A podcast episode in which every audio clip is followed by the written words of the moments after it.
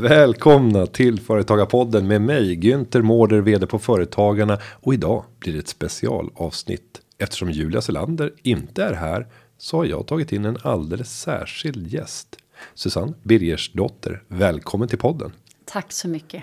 Idag ska vi eh, få prata mer om hur man kan utmana sig själv, välja andra sektorer, ge sig in och tänka globalt för det har du valt att göra i ditt liv. Lämnat en bekväm bransch för någonting annat. Vill, det du, vill du berätta vem du är i idag? Precis, vem är Susanne Birgersdotter? Mm. Eh, idag är jag väl egentligen inte samma person som jag var när jag startade bolagen. Men eh, den jag var då kanske vi ska börja med. Mm. Vem jag, var hon? Vem var hon precis? Eh, jag eh, är, jag höll på att säga så här, jag är mamma med det. Och varför jag säger det är lite grann för att det var så allting började. När jag började mitt första techbolag, mitt appbolag. Min dotter kom hem för cirka sju år sedan och hade väldigt svårt för att lära sig gångertabellen. Och då, precis som alla andra föräldrar, så letar man ju efter en app eh, som hon skulle kunna använda i det. Och jag hittade ingen som jag tyckte om eller som hon tyckte om. Och då tänkte jag att då får jag väl göra en själv. Och det är inte helt självklart att man bestämmer sig för att då får jag göra det själv. Eh, vad är det som gör att du tänker annorlunda? Eh, istället för som den vanliga pappan och mamman bara svära och sen gå vidare. Mm. Säga att det där hade verkligen behövts. Och sen kan man prata om idén med andra. Och säga varför finns det inte? Men du valde alltså att gå vidare. Ja. Och hur, hur gör man det? Vad, vad är det första steget när man mm. väl bestämmer sig? För du hade inte eh, hållit på med det här Nej, absolut inte. Jag är ju inte programmerare eller utvecklare. Mm. Eh, och jag har aldrig jobbat med IT. Så att det är klart att det låter lite så här crazy. Varför gjorde du en app? Eh, men jag gillar att lära mig nytt hela tiden. Och eh, tänkte att appbranschen det är någonting som verkar växa, så why not? Så jag googlade faktiskt, hur gör man en app? Mm. Vad, vad, vad säger toppträffen på Google? Vad säger. Eh, ja, den säger ganska mycket. Men mm. eh, för sju år sedan då hittade jag ett eh, bolag som är verksamt över hela världen. Som då hette Upwork. Och eh, då har man en programmerare och utvecklare eller vad man nu söker, webbdesigner. Eh, och då hittar man dem över hela världen som sagt var. Och så anställer man dem via ett annat bolag som då är som ett konsultbolag. För jag hade ju inte råd att skaffa programmerare eller utvecklare hemma i Stockholm. För det är ju ganska dyrt. Som en frilansplattform. Exakt. Mm. Ja, så då hade jag min eh, programmerare i Ukraina. Och min utvecklare i Nepal. Och eh, hon som ritade hela appen satt i Polen. Och då satt jag och skypade med dem på kvällarna från mitt köksbord. Och hade du kunskaper då om eh, hur man ska projektleda en sån här typ av beställning och liknande? Nej, alltså både ja och nej. Jag hade ju inte kunskaper om hur man projektleder ett, en, en apputveckling. Mm. Eh, däremot så har jag ju mina tid, mitt tidigare arbeten så har jag varit butikschef eller jag har varit hovmästare och då har man jag har ju nästan alltid haft en ledarroll. Eh, men, men man ska nog inte riktigt jämföra det med att sitta vid köksbordet och skypa med människor över världen. Framförallt inte när du gör någonting som du kanske inte egentligen har någon riktig koll på.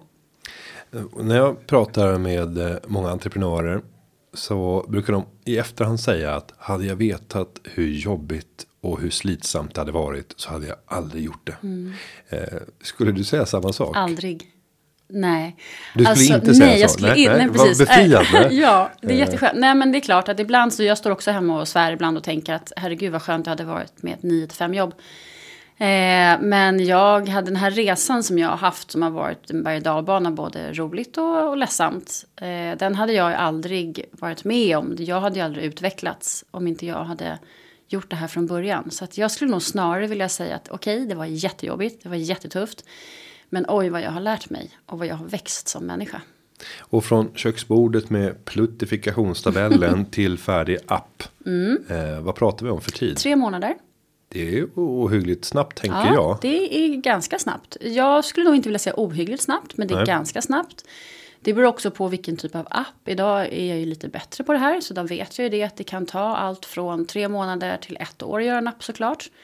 Eh, jag brukar säga till kunder när jag gör appar åt dem idag att man ska räkna med sex månader. Eh, och det är väl också en sån grej som jag lärde mig. Man tror att bara för att appen är klar så är den färdig att lanseras. Men så är det inte. Mm. Den ska godkännas på App Store. Och, men det tar ungefär tre månader att bygga en eh, ganska enkel app skulle jag vilja säga. Mm. Och sen fortsatte den här resan. Du stannade inte vid En app. multiplikationstabellen och, och, och en app. Utan eh, det vidgades och idag har du släppt hur många olika appar? Ja, alltså jag tror att första året då gjorde jag väl mellan 10 och 12 appar.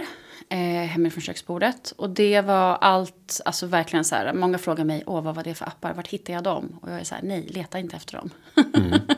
eh, men det roliga var att en av de apparna vi gjorde var faktiskt Finns i sjön, det här gamla kortspelet. Det. Och det var ett tag den mest nedladdade appen jag hade. För att det är så enkelt. Människor vill ha enkelhet. Men eh, den appen jag gjorde som blev mest succé, det var ju den här dietappen, 5.2-appen. Som hamnade i första plats i App Store. Och vad innebär det? För det blir en enorm uppmärksamhet. Eh, och det krävs rätt mycket för att ta sig dit överhuvudtaget till att börja med. Om man ska försöka beskriva resan för att kunna inta första platsen. Om vi utgår från att appen är i grunden eh, så pass bra att den har potentialen. Men det finns ju många som har, har den potentialen men aldrig når dit. Nej, men alltså jag tror att i mitt fall och någonting som jag skulle vilja här, säga till kanske lyssnare som vill göra en app. Det är ju det att eh, det handlar jättemycket om timing. Eh, jag hade också lite tur. Eh, och vill man, vill man kunna klättra på App Store så måste man hitta någonting som de flesta människorna vill ha. Och i mitt fall så gjorde jag en dietapp. Eh, Alla älskar dieter. Eh, och den här dieten hade precis kommit. Det var den här 5.2-dieten som Michael Mosley i England skapade. Och eh, han skulle komma till Sverige i augusti och signera sin bok på svenska. Och då kollade jag upp om han hade en app. Och det hade han ju såklart inte. Och då såg jag till att snabbt som 17 göra den här appen under sommaren. Eh, så att jag tror att det handlar jättemycket om att man måste göra sin research. Finns appen sedan tidigare? För ofta när man har en app-idé så tror man att man är ensam om den. Men när man väl sen eh, börjar rota lite grann så kan den finnas där på 108 miljonte platsen i App Store. Eh, men det är inte fel det heller, utan gör om och gör den på ditt sätt. Och om vi nu går tillbaka till 5.2 appen. Eh, fick ni någon draghjälp när den här stora stjärnan kom till, till Sverige? Eller kunde du göra organiskt? På vilket alltså, sätt kunde du få det att flyga? För min del så det som var lite, blev lite roligt var ju det att det var två saker. Eh, först när jag hade gjort klart appen så såg jag till att släppa en eh, webbplats som hette Susans Health. Som jag släppte i, på engelska och framförallt i USA. Där jag anställde tre stycken bloggerskor via samma då Upwork. Eh, studenter som skrev om hälsa och träning och lifestyle. Och i, på den här webbplatsen då så såklart så såg jag till att appen var rullande. Eh, och jag promotade det på riktigt riktade länder och framförallt också då till USA. De är ju samma som vi, vill ha dieter och det är ett sånt väldigt stort land. Så vi var väldigt nedladdade i USA. Eh, men sen så var det lite komiskt här i Sverige för att någon fick ju nys på då att jag hade gjort den här appen. Och eh, då var jag på framsidan av Expressen fyra gånger på en månad, men som hälsoexpert. Det trodde du inte innan då? Nej, det trodde jag inte. Så då fick jag så här, ge mina bästa smoothie-recept. Och är det inte ganska slående hur eh, om man analyserar kvällspressen hur snabbt man kan eh, bli betraktad som en, en expert. Jag har sett andra personer som plötsligt bara har dykt upp efter att ha ägnat ett halvår av sitt liv åt en, en specifik fråga. Eh, men med lite skicklig positionering med i det här fallet och en bra produkt så är det lätt att tränga sig igenom och få väldigt bra PR. Och det ska man ju såklart hoppa på. Eh, jag menar, jag är ju entreprenör och jag vill ju sälja såklart. Eh, så den chansen som jag fick, det var ju bara för mig att plugga, plugga 5.2-dieten varje dag och bli expert. Eh, vilket det var ju lite roligt att jag blev det eftersom, jag menar, två år senare så blev jag känd som appdrottningen. Så det gick från så här hälsoexpert till, vilket jag kanske egentligen mera var appdrottning än hälsoexpert. Det, och du känner dig idag mer som Ja, appdrottningen. jag skulle nog, jag, jag gillar hälsa men jag är inte hälsoexpert. Nej. Eh, om, men om vi nu tittar på de, de skapelserna som, som du ligger bakom. Det är flera stycken till. Ska vi nämna någon, någon ytterligare? Det finns mycket att ö- Ja, ösa det finns ju mycket. Spel, Eh, kanske? Ja, precis. Eh, Jag grundade ju iGotcha för eh, det här med år, vet du. Men eh, fyra år sedan är det väl nu, tror jag. Oh, Ja, 2014. Så eh, grundade jag spelbolaget iGotcha. Eh, för att jag ville ge mig in i spelbranschen. Samma sak där, doppa tårna i sånt du inte kan någonting om.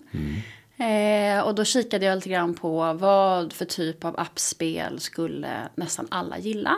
Och då var det Monopol. Eh, det fanns ju såklart, Monopol hade ju sitt egna appspel. Men jag tänkte mer att man skulle göra någonting som ett location based. Som senare, som Pokémon var, eller är. Att man går runt på stan och eh, bygger hotell, kaféer, du vet. Mm. Tjänar pengar från varandra, tar av varandra, skickar varandra i fängelse. Det var faktiskt grundidén för hela bolaget. Eh, och här pratar vi inte spel om riktiga pengar. Nej. Utan för mm. när man säger spelbolag så får man många mm. tror jag osökt tanken mm. till. Nej, till utan det här var, nej, nej absolut inte. Mm. Utan ett appspel mm. var det här. Eh, och om du nu ska titta tillbaka och försöka summera mm. alla de här åren där du har liksom utvecklat flera succéer, säkert också flera katastrofer. Det är det, sånt ser man ju aldrig, så det, det talar vi inte ens om. Men om vi ska försöka ösa ur den erfarenheten, vad är viktigast för att lyckas? Mm. Oavsett om det är i den här världen, i appvärlden eller om det handlar om annat företagande. Alltså jag tror, vill man bygga stort, eh, vill man lyckas och bli framgångsrik så måste man ta in folk som är bra på det man själv inte är bra på. Alltså jag är ju inte programmerare, om man nu ska titta på det, så är jag ju inte programmerare och inte utvecklare. Eh, och det är klart att jag behövde de människorna. Men sen så som företagare tror jag också att det är viktigt det här med, men, men vi har ju våra olika skills. Eh, och är du visionär och entreprenör då har du oftast väldigt bra idéer men du kanske är sämre på ekonomi. Eh, och ekonomi för företag är extremt viktigt. Jag tycker att man ska prata mycket mer om det. Att man behöver den hjälpen. Eh, när du är en startup så förväntas alla att du ska vara vd, du ska vara CFO, du ska vara personalansvarig, du ska ställa toaletterna, du, alltså du ska köpa kaffe, du ska göra allt. Eh, och det är ju egentligen omöjligt. Du kan inte ha alla de skillen. Men problemet i uppstartsskedet är ju att att köpa de här kompetenserna mm. blir ju väldigt dyrt. Vad har du haft för ett tips. Trick. Ja, nej, men jag brukar säga det idag när jag sitter som eh, mentor åt startups. Att eh, om det är så att du inte har den ekonomin så kan man alltid binda upp människor på andra sätt. Till exempel du kan ge delar av ditt bolag. Eh, jag tror jag tycker vi är för rädda idag för det här lite grann att vi säger jag ska minsann äga så mycket. Eh, då kanske det är bättre att äga lite av någonting som blir väldigt stort. Och du blir ju större om du eh, anställer folk. Så jag menar, skulle jag behöva någon som är duktig på ekonomi då kan jag ju säga, och jag inte har pengarna, då kan jag ju säga det så här, ja men du får 5% av mitt bolag. Eh, hur mycket kan det vara värt? Och så kan man räkna ut det. Eh, vad är bolaget värt idag? Och eh, du ska ha en lön på, du ska ha, vi säger, du ska få ett visst antal hundratusen om året. Då omvandlar vi det i aktier. Eh, och när man gör det, då ser man ju också till så att den andra människan jobbar mycket hårdare. Mm. För de vill ju också att bolaget ska lyckas. Så det kan jag tycka är rätt så här, det borde vi göra mer. Och idag är du ju också investerare och då tänker jag osökt då på hur man ska värdera. Om vi då har ett eh, ett par, det är två personer som mm. har stått beredda nu att inför det kommande året lägga all sin arbetstid på att förverkliga den här idén. Idén är eh, helt okej. Okay. Mm. Det är inte någonting magiskt, men det är ändå någonting som skulle kunna skala upp och bli globalt. Eh, sannolikheten att det lyckas är ganska låg. Eh, för det är det i de flesta fall. Men det skulle kunna gå. Det finns en, en 10-15% i sannolikhet att det här faktiskt kan bli ganska stort. Kan man prata om det generellt? Vad är värdet på två människor som lägger hela sin arbetstid under ett år för att förverkliga en idé som är helt okej. Okay, den har potential. Mellan tummen ja, och pekfingret, vad, vad, vad, kan man tala om? Alltså egentligen, om jag ska vara, ska jag vara hård så är det ju inte värt någonting. Mm. Eh, alltså man brukar, Någon, alltså för missförstå, alltså ja, ja men så här. Det är klart att det är värt någonting, men det är ju egentligen i deras ögon. Alltså vad är det värt till betraktarens ögon och vad är det mm. värt för investeraren? Eh, vad är, precis det som du frågar, vad är bolaget värt? Har du kunder, ja men då blir det ju värt någonting om du redan har det. Har du ingenting, då har du gått in med, eh, om du har ett aktiebolag, då har du gått in med ditt aktieägarkapital. Eh, och egentligen är ju bolaget inte värt mer än de pengarna som redan finns. Och då är det klart, jag, jag vet ju som entreprenör att man säger, men min tid då? Det jag har lagt ner, min kunskap, om jag har jobbat med det här ett år, är inte det värt någonting? Ja, Susanne, det kanske är det värt någonting. Men hur ser bolaget ut? Mm. Eh, hur mycket, vad har du i bolaget? Finns det pengar och finns det inventarier eller hur, hur ser kundbasen ut? Och då går man alltid tillbaka lite grann med svansen mellan benen och tänker, men, men jag då? Eh, men träffar man en bra investerare då brukar man ofta kunna få ändå en känsla av att man är värd någonting och det arbete man har lagt ner är såklart värt någonting. Men då kan jag tycka att man tillsammans med investeraren ska sätta sig ner och titta på hur ser det här bolaget ut egentligen. Eh, men det där är en extremt, extremt svår fråga. Framförallt om du inte har någonting. Då blir det blir tufft. Mm. Eh, man värderar ofta sin egen kompetens kanske högre än, eller det man har gjort än vad investeraren gör. Och det, blir, det blir svårt när man tar ett enskilt fall Mm. och diskuterar här. Men om vi tar en väldigt stor population. Jag satt själv i styrelsen för en inkubator. Om man då hade tänkt tanken att här rullar det igenom 20 till 25 bolag per år. Och man investerar i alla bolag. Så att när du bara kommer in med en idé. Du är två personer som skriver på att de står beredda att jobba heltid och liksom mer därtill för det här bolaget under minst ett års tid för att ge ett försök. Om jag då säger i det startskedet att du, jag värderar ert bolag till en och en halv miljon innan ni ens har satt igång. Eh, så att jag vill köpa 10% för 150 000. Många i min uppfattning. Eh, nu är det lite annorlunda idag för man blir mer medveten. Men skulle tycka att det var fantastiskt och säga va? Värderar du till en och en halv miljon kronor? Redan innan vi ens har satt igång. För att man glömmer liksom hela arbetsinsatsen. Om du står beredd att lägga ett helt år, två personer och inte jobba några 40 timmar utan stenhårt för att kunna nå resultaten. Sen kan ju affärsidén komma att variera och förändras fullständigt under det här året om du också går in med aktiv coachning för att få dem att hitta rätt. Ehm, men där om man ska prata så här tummen pekfinger så tänker jag alltid att en och en halv miljon är löjligt lågt om två personer står beredda att lägga heltid Men på det är väl egentligen det som kanske är problemet idag. Att man när man tittar på en startup så värderar man inte. Men de här människorna ska ju egentligen ha en lön. För så, så det kan jag tycka att man slåss så mycket med som egenföretagare. Jag menar, jag vet inte hur många år jag jobbar gratis. Eh, för att man har sin idé och så här, som vi säger, så här, man tror på den och, och det är många investerare som på något konstigt sätt, det är klart det finns olika typer av investerare, men många tycker idag så här, nej men du ska minsann äta nudlar och du ska eh, jobba stenhårt och när, vi får se när du får en lön. Och det är ju också så här, det är ju, det är ju inte riktigt okej. Eh, utan sen kanske det kan vara en mindre lön. Men ändå så att man som, som företagare, att, har man någon som tror på ens idé. Så här, ja men vad har du för utgifter varje månad? Vad har du för hyra till exempel? Och hur mycket mat behöver du? Ja men du kanske inte får mer än det. Men att man ändå får någonting. För det blir ju extremt jobbigt och svårt och tufft. Framförallt om du inte har några sparpengar. Eh, och sen så, vad händer om idén inte lyfter då? Jo, där tänker jag om du går och pitchar mot en investerare Mm. och säger att nej, men jag vill ta in en halv miljon. Eh, så att jag säljer nu 15% av bolaget. Så bara, Okej, vad ska ni använda pengarna till? Mm. Nej, jag ska ta ut det som lön under det kommande året. Hur mycket pengar tror du får då? Den är inte jättelätt att övertyga investerare Nej. om. Eh, så, Och det- att-. Mm. och, och det, är, det är en väldigt stor skevhet. Jag menar, varför ska man inom ramen för en anställning stå beredd och tänka att ja, men det är självklart att man ska betala lön. Men när du ska investera i ett bolag så Nej, men jag, jag håller verkligen med. Och det, är, det är extremt bra att lyfta den här frågan tycker jag. För precis det du säger, att men när du får en anställning så får du ju en lön. Och du får mycket mer än en, bara en, en lön. Du får pension, och, alltså, du kan få en bil, du kanske får en telefon. Och sen så som egenföretagare då ska du helt plötsligt så här, leva på noll. Det är ju skevt, det är lite konstigt. Och vi säger oss ändå att vi är så här, ett sånt extremt bra företagarland. Eh, jag vet inte riktigt det. Det kanske borde bli att företagarna får bli fackförbund åt entreprenörer Mm. och förhandla fram minimivillkor. Nej men faktiskt, ja, Eh, det, det kan jag tycka. Att jag menar, det borde finnas villkor som på något sätt gäller för alla entreprenörer. Eh, Att investerarna vet att en viss procent av det jag investerar går faktiskt till entreprenörens levande. Eh, en entreprenör kan ju vara, ha familj och som vi säger, så här, man hyra att betala. Vem är det som säger, var, varför skulle man inte betala sin hyra? Det, alltså det är ju jätte, det är mer man tänker på det, det är ju jättekonstigt. Att inte få en liten lön. Ja, det är bra, det tycker jag vi ska, Ja. tycker du ska se till. Eh, där får vi gräva vidare i. Mm. Jag tänkte att vi ska göra en liten halvhalt innan vi fortsätter och fördjupa oss i din resa genom att svara på en fråga som har kommit in från Henrik i Göteborg. Han tackar för en grym podd. Han älskar mixen av företagande och lite ekonomi och sparad krona. Vi brukar ge en del spartips här också. Det är viktigt så man får lite ekonomiskt utrymme. Och nu har han en kan man säga ganska delikat situation hoppas jag. Vad ska man tänka på när man säljer företag?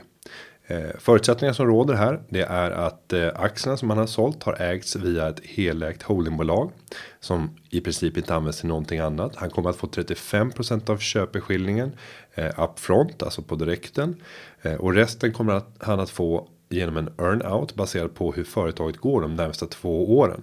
Så någon typ av resultatbaserad ersättning. Eh, han och hans partner har golden handcuffs i två år.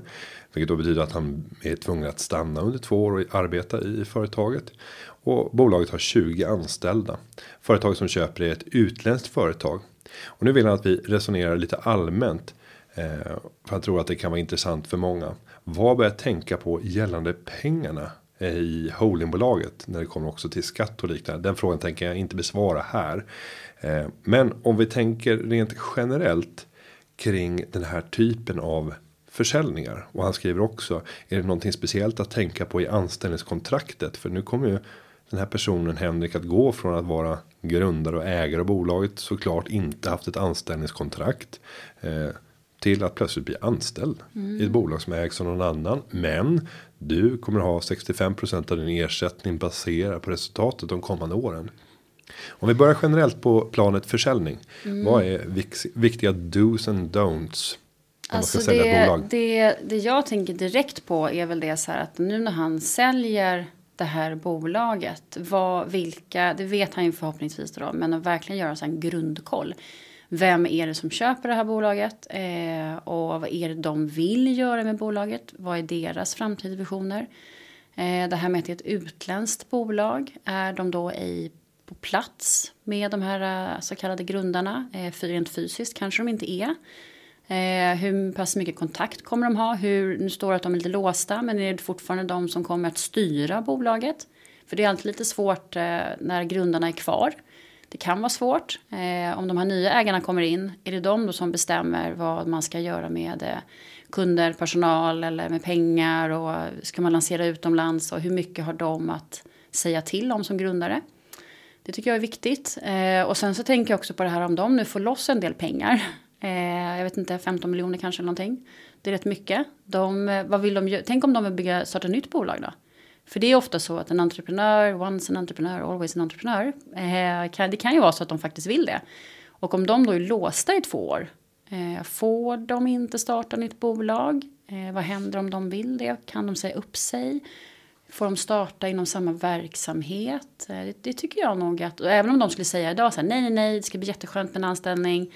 Så ja, men tänk om ni inte tycker det om ett år då? Eh, lite sådana små saker tycker jag nog att det är viktigt att, att tänka på faktiskt. Ett tips här som jag tänker på det är att det här utländska bolaget. Det är förmodligen inte första köpet de gör. Alltså om de redan börjar ställa krav om att det ska vara resultatbaserad ersättning mm. de kommande åren. Man skapar inlåsningar för entreprenören. Det här är sannolikt en, en köpare som har gjort det här förr. Mm. Och då tycker jag att det är bra att bara gå ut och se vilka bolag har det här bolaget förvärvat senaste åren ute i världen. Ta referenser, ring Absolut. upp och försök också hitta personer som har valt att lämna de bolagen som de en gång sålde. För där har du ofta nyckeln till eh, vad händer mm. egentligen efter en sån här affär? Ja, men lite det jag menar med just det här att så här, gör upp. din grund precis, gör din koll på. Eh, det där var ju jättebra att så här, vad har de för andra bolag i sin portfölj?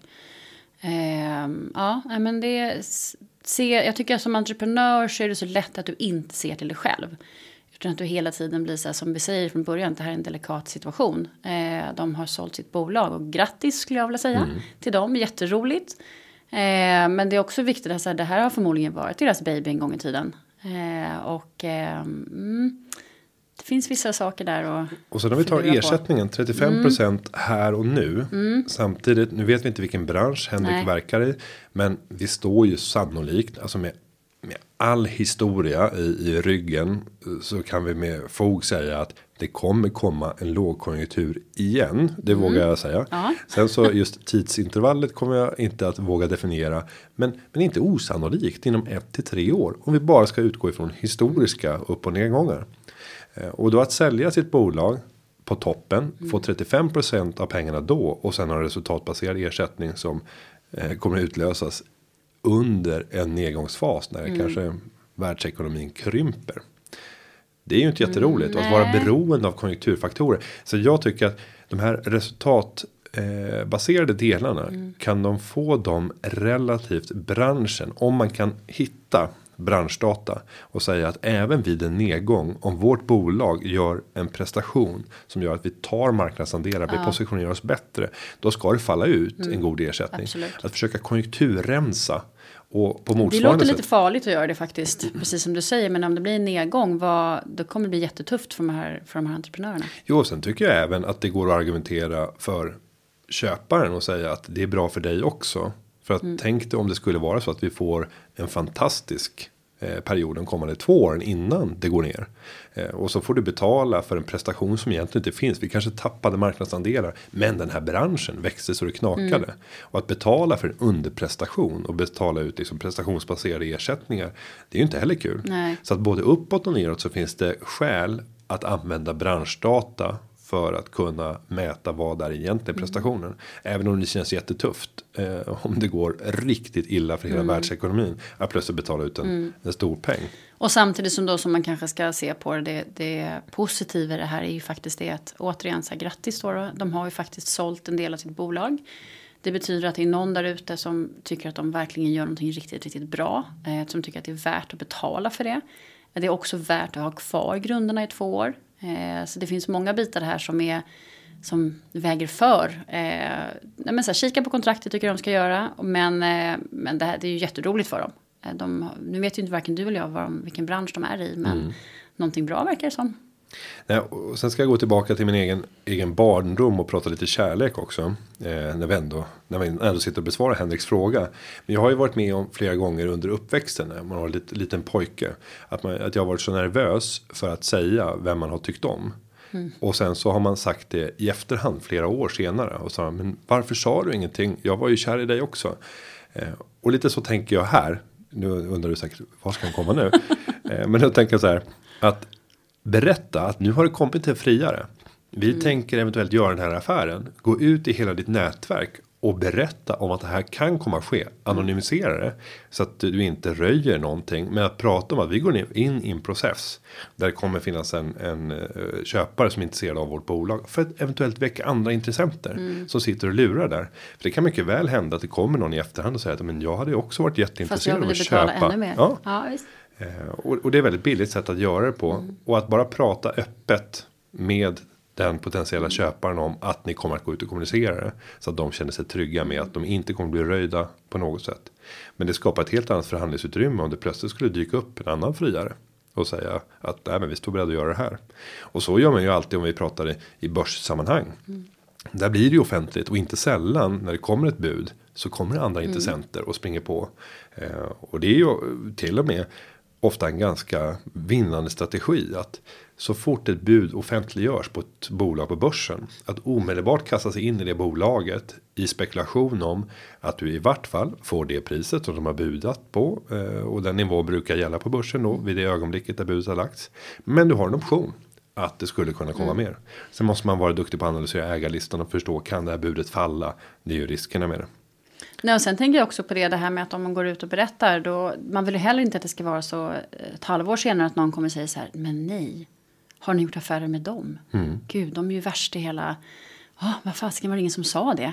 Alltså det, verkligen, det finns ju flera aspekter på att, så här, det är positivt, att någon kanske kommer in med ett bättre anbud. Mm. Eh, men ibland kan det också vara bra att så här, höra sig för lite grann med andra att våga berätta om så här, det här är våra nya köpare. Eh, och som du sa tidigare, det här med att vad har de i sin portfölj? Kontakta dem. Att inte de sen hör av sig senare och säger så här, nej, ni skulle bett om mer eller mm. ni skulle gjort så här. Så jag tror också att det, det är dumt att, att sitta och hålla på det, utan eh, nej, gå ut med det. Berätta för alla vad det är ni håller på med. Mm. Eh, ja, men nu har vi gett Henrik lite lite mer eh, diskussioner och lite kött på benen. Men om vi tar anställningskontraktet och tittar lite grann på det. Om vi pratar om klausuler kopplat till sidoverksamhet. Mm. Att eh, bedriva ny verksamhet. Det här är entreprenörer, mm. de kommer nu ha en anställning. Det kommer krypa i kroppen att vilja göra någonting mm. eget. Kanske göra på kvällar, helger. Mm. Vad ska man tänka på i anställningskontraktet mm. i det läget? Jag tycker det är viktigt att gå in. Nu vet ju vi som sagt inte vad det är för bransch. Men vi ponerar på att det är en bred bransch. Eh, och någonting som de, de, de håller på med tech. Och så är de eh, duktiga på tech. Tech är jättebrett idag. Ska de då inte kunna få starta någonting nytt inom tech? Eh, där, det tycker jag verkligen de ska titta på. Så här, vad får de, vi, vi leker med tanken då att de har ett appbolag. Och sen så får de inte göra några appar då. Eller får de inte göra kanske en typ, viss typ av app, nischad app. Det kanske man skulle kunna förstå. Säg att de, gör en med, att de har gjort en medtech-app som de nu blir uppköpta. Då kanske de inte får göra en ny medtech-app. Men de får de aldrig mer göra appar då. då. Eh, det här tycker jag är jätteviktigt att kika på. För att det kan ju vara så att de sitter, precis som du säger, det kliar lite grann och så vill de göra någonting nytt.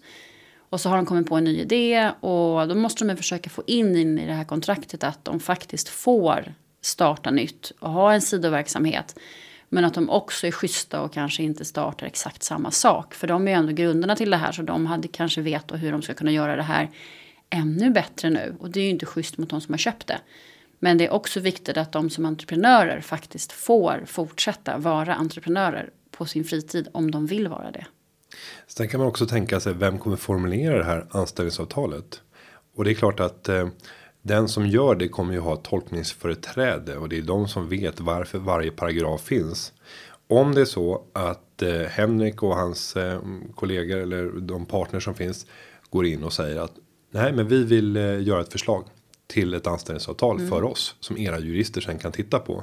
Då är det mycket lättare att kunna formulera det på ett sätt som gör att man inte behöver gå in och ändra senare i anställningsavtalet som kommer från köparbolaget. Eh, för att sen göra omskrivningar som plötsligt gör att man blir misstänksam och säger ja, så ni vill starta andra appar. Mm. är därför skriver in den här avsnävningen mm. av, av eh, definitionen på sidoverksamhet. Sen ska man också säga att att förbjuda någon att eh, ha sidoverksamhet eller om du skulle lämna att då kräva att personen inte gör någonting nytt. Det kräver ju också att bolaget betalar den fulla ersättningen och ibland så har det till och med varit en kompensation som har varit högre mm. för det än vad lönen har varit. Eh, jag tror att det finns ett ganska känt fall. Du kan få rätta mig om du vet. Men med Anna Bråkenhielm. Mm. Eh, när hon lämnade nu borde jag läsa på den här storyn bättre. MTG säger jag. Ja. När hon lämnade ja. för ett annat produktionsbolag. Ersättningen kopplad till det där. Och mig veteligen, jag säger det med stor försiktighet nu. Så fick hon en ersättning som var högre än den lön som man hade uppburit. För att man bedömde att hon gick miste om så stor potential. Eh, man får bedöma vad är mm. skadan mm. av att stoppa någon. Och tvinga dem att inte göra mm. någonting. Mm. Eh, sen ser vi ju inom andra världar hur den här klausulen och karensperioden nyttjas. Eh, ta politiker, ta vår gamla statsminister. Nej, det blir en karenstid, de gör ingenting, de får sin pension eller mm. sitt avgångsvederlag. Och samtidigt så sitter man och skriver en bok. Mm. Eh, och den boken genererar ju såklart inga kassaflöden under de sex månader som man uppbär den här ersättningen eller ett år. Men när man väl släpper den och du kan göra otroligt mycket om du tänker apputveckling eller saker där det är en väldigt lång utvecklingsprocess. Och sen när du lanserar då kommer kassaflödena mm. och kunna få den finansierad under. Jag skulle precis säga det, men gud vad det där låter bra. Jag håller ju på att skriva en bok nu. Ja, du borde bli politiker. ja, eller hur? Ja. Det var ju det jag skulle bli. Bli minister ja. och sen så. Nej, men jag tänkte bara på en sak till innan vi avslutar mm. det där med det här kontraktet som de nu har. Eh, det här anställningskontraktet. Det är jätteviktigt, nu gör de säkert det, men att de ber inte bara en annan titta på det utan kanske två jurister som inte sitter på samma plats. Så att de ändå får lite annan, eh, liksom, att någon annan tittar på det och verkligen så här, eh, för det är ofta när man får sådana här avtal Eh, att de är säkert, det är klart att de är glada över att de får vara med om det här, de får sälja sitt bolag och ibland när man är sådär exalterad så eh, är man kanske inte riktigt noggrann, man tittar inte på det med kritiska ögon. Och det betyder också att det kan finnas saker i det här avtalet som de inte riktigt, man kanske inte förstår. Man kanske inte är jurist. Mm. Eh, och att någon verkligen förklarar för en, vad innebär det här avtalet? Vad innebär det för dig som företagare och som person? Eh, det tycker jag är att han, de verkligen ska titta på.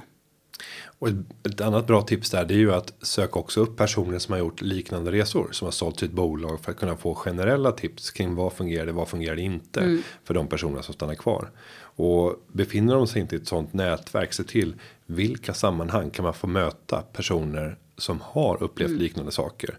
Börja hänga i de kretsarna, lär känna lite nya eh, affärsbekanta och vänner som kan dela med sig av sina verkligen. tips och tricks. Men med det så sätter vi punkt för, för Henriks fråga och hoppas att han är nöjd. Även om han inte fick svar på själva skattefrågan. Men den kanske vi kan återkomma till eh, via rådgivningen. Pröva och ring till vår juridiska rådgivning så kan du säkert få, få svar. Om vi nu går tillbaka till dig. Ja. Och vänder på perspektivet och säger. Hur ska man attrahera kapital till sitt bolag? Vi pratade om finansiering tidigare. Eh, och att det är viktigt att man kan klara livhanken. Finansiera sitt liv. Eh, du har ju lyckats attrahera rätt namnkunniga investerare. Mm. Hur, eh, hur gör man då? Hur, gjorde man? Nej precis hur gör man? jag gjorde väl kanske lite, lite annorlunda. jag kunde ju ingenting om investeringar när jag började med det. Så här, återigen så doppar jag tårna i någonting nytt. Eh, så mitt, för, mitt första möte med min första investerare, då hade jag inte ens powerpoint, jag hade inga papper med mig. Eh, utan jag kom som, som jag är och lite så här med min idé eh, och berättade glatt om vad jag ville göra. Och eh, fick ju faktiskt pengar. Och eh, det hände att jag gjorde så några gånger innan jag började förstå att jag kanske ska ha ett IM, alltså en eh, affärsplan en budget. Eh, utan i början var jag lite sådär som Bambi på halis och bara gick ut och så här, oj, titta, titta här fick jag lite pengar. Eh, och det tror jag handlade mycket om att eh, man tittar mycket på grundaren. Och det var det de här första investerarna gjorde. Eh, hur pass driven är man? Det här var min, min baby då eh, och jag var så extremt säker på att så här, det här var precis det jag ville göra. Eh, jag, eh, återigen det här med nudlarna, men jag kan tänka mig att äta nudlar för att få det här att lyckas. Och då när man har en sån grundare framför sig så, som investerare så känner man ganska snabbt att hmm, det, här, det här är ett vinnande kort. Eh, och det vet jag att de kände med mig. Eh, men sen när jag eh, fick ihop lite mer så här, kött på benen och gjorde en affärsplan och allt det här då tog jag in lite, lite mer pengar, lite större pengar. Eh, och det var ju också en, såklart en resa i sig. Allt det här med, så här, med bolagsvärderingar och man ska skriva affärsplaner och när man träffar investerare så är alla investerare de vill ha olika saker. De ena säger så här, jag vill minsann inte ha en 80-sidig affärsplan, jag vill ha en one-pager och sen kommer man, gör man en jättesnygg one-pager så kommer man till nästa och så säger de, var är din affärsplan på 80 sidor? Jaha, så ska man gå hem och så ska man göra den och så kommer man till en tredje och så bara, jag vill ha en budget men den får inte vara större än så här. Oh.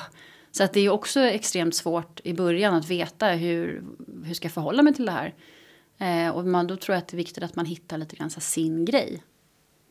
Och där har jag hört många entreprenörer som klagar över transaktionskostnaden, alltså framförallt tiden det tar mm. att få in kapital. Och många som pratar om att jag lägger mer tid på att få in kapital än att bedriva värdeskapande verksamhet mm. som för bolaget framåt. Eh, vad kan man tänka på i de lägena? Där det tar ja, alltså, alldeles för lång mm, tid. Mm, det, det är egentligen svårt att förändra det. För det tar ju tid att få in pengar. Eh, men där brukar jag också säga det. Man är ju bra på olika saker. Och återigen det här med att ensam inte är stark. Och då kanske man, om man är den som är bra på att driva in pengarna. Så kanske man ska bestämma sig för i bolaget och med sina, om man har partners i bolaget. Att nu, nu måste jag ju satsa helhjärtat på det här. Vi kör nu i två månader eller vad det nu är. Där jag faktiskt går ut och tar alla möten. Eh, och under den tiden jag gör det så får ni ta kontorstiden eh, och sitta och utveckla den här produkten. Jag kommer finnas närvarande men vi måste tillsammans i bolaget bestämma att en av oss kanske under en viss period är den som tar in pengarna. Och, eh, och är, har man inte det utan man är ensam, man, man gör sin produkt och man ska ta in pengar, då är det klart att det blir mycket svårare.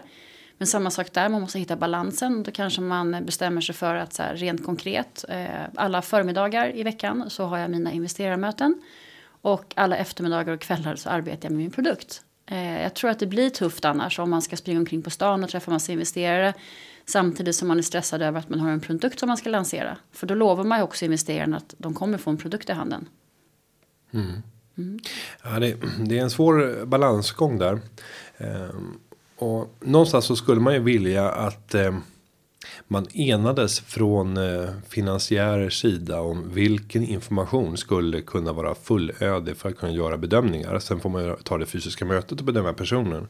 Och där när jag en dröm om att vi till att börja med från bankernas sida och från Almis sida skulle göra en ny typ av eh, UC.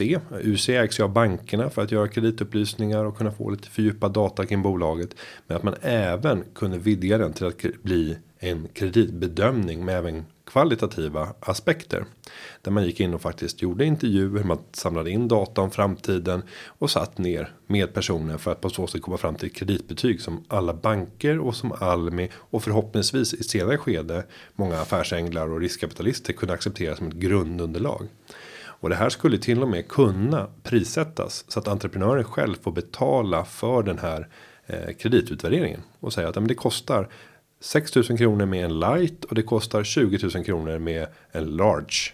Eh, och gör en large då kommer det vara två stycken intervjuer. Vi kommer samla in eh, proforma data. Vi kommer göra framåtblickande analyser av, av branschen för att sen landa ett kreditbetyg. Och det här kommer du kunna använda när du träffar banker, när du träffar Almi, när du träffar potentiella investerare. Som ett grund. Jag tycker man ska ha det fast i en app. Eh, jag har faktiskt tänkt på det. Så det är lite roligt att du, att du säger det. Just det här att det ska finnas en app som man som företagare ska kunna fylla. Eh, och de kriterierna måste ju då också sättas av någon. Som, då kanske då att man har en, en bank, man har ett stort investmentbolag som sätter de kriterierna. Vad är det man behöver för någonting? Och så får man fylla i det själv. Eh, och kanske då till en kostnad som du säger. Men eh, och sen så om jag träffar en investerare eller om jag vill ha, det här gäller ju också globalt. Jag menar idag så tar vi ju in pengar från utlandet. Jaha, mm. ska jag då som företagare ta mina pengar och också då inte bara avsätta tid med att träffa investerare i Stockholm eller i Sverige. Utan jag ska resa till Singapore eller London eller vad vi nu bär, bär hän. Eh, och träffa investerare. Då kan jag direkt bara be dem att ladda ner den här appen eller gå in på den här hemsidan och eh, läsa om mig och mitt bolag och där ska all information finnas med. Så jag tycker där har vi någonting på gång. Mm. Mm. Och jag, jag tänkte jag passar över en, en, annan boll inom finansieringsområdet till dig. För jag går också runt med väldigt mycket idéer. Men skillnaden mellan dig och mig är att jag väldigt sällan skrider till verket med dem. Så jag behöver hitta personer som kan göra det. Men just nu, jag sitter med två stycken privata bolag som har helt inverserade kassaflöden. Eh, det ena är inom trävaruindustrin, byggandet av komplementhus och det sker primärt under sommaren. Det är då mm. alla leveranser sker och det är då beställningarna kommer in. Så kassaflödena är fantastiska under de ljusa månaderna. Sen är det helt dött i princip från slutet av oktober fram till mars när snön börjar smälta och folk börjar tänka på att beställa komplementhus. Den andra businessen det är personalutbildning mot mellanchefer.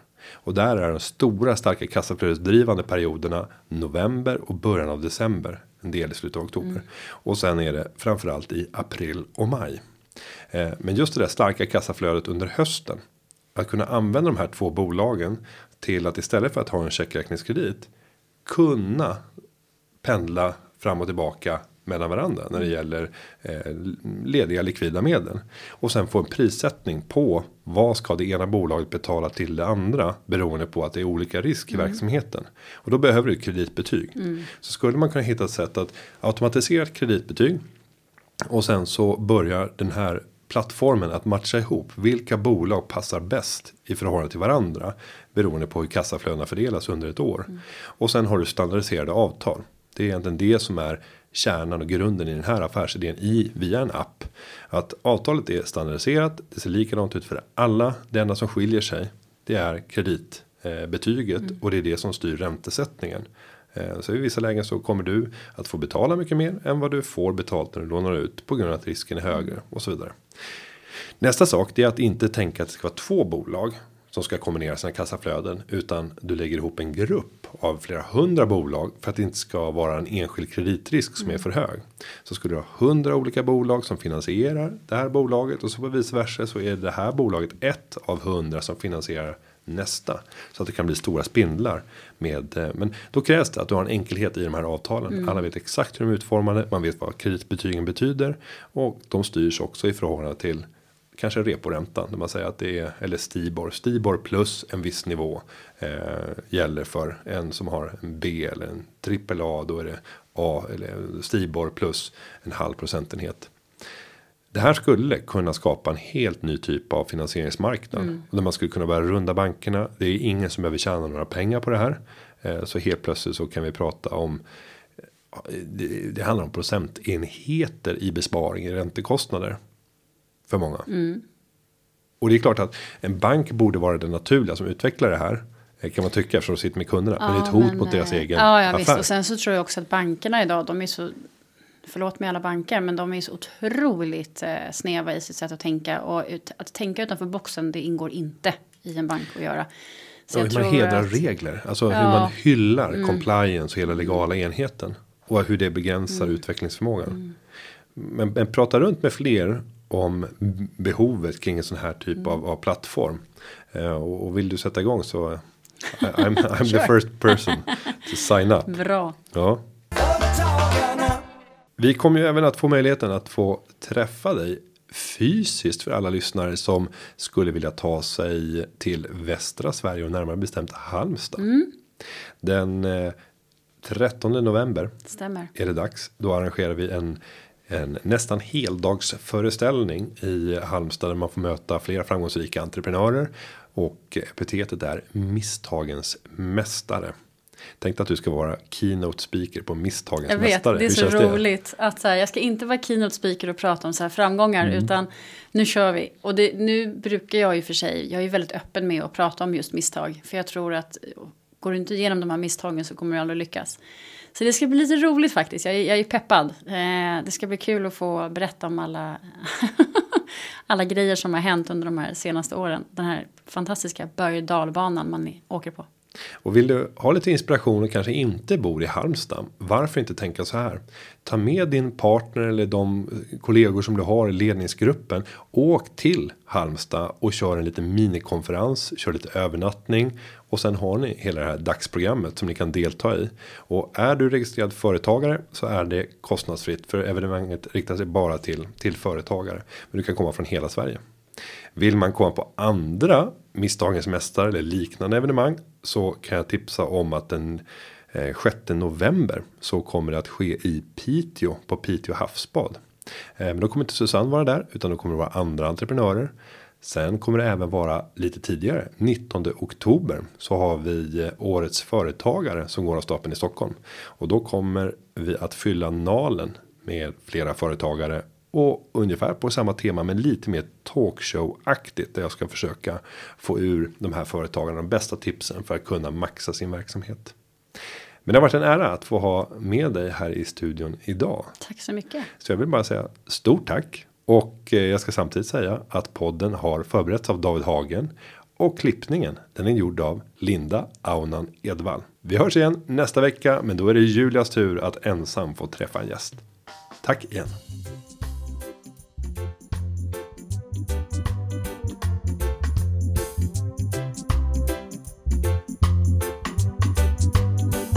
Företagarna, ja, ja, ja, ja, ja, ja.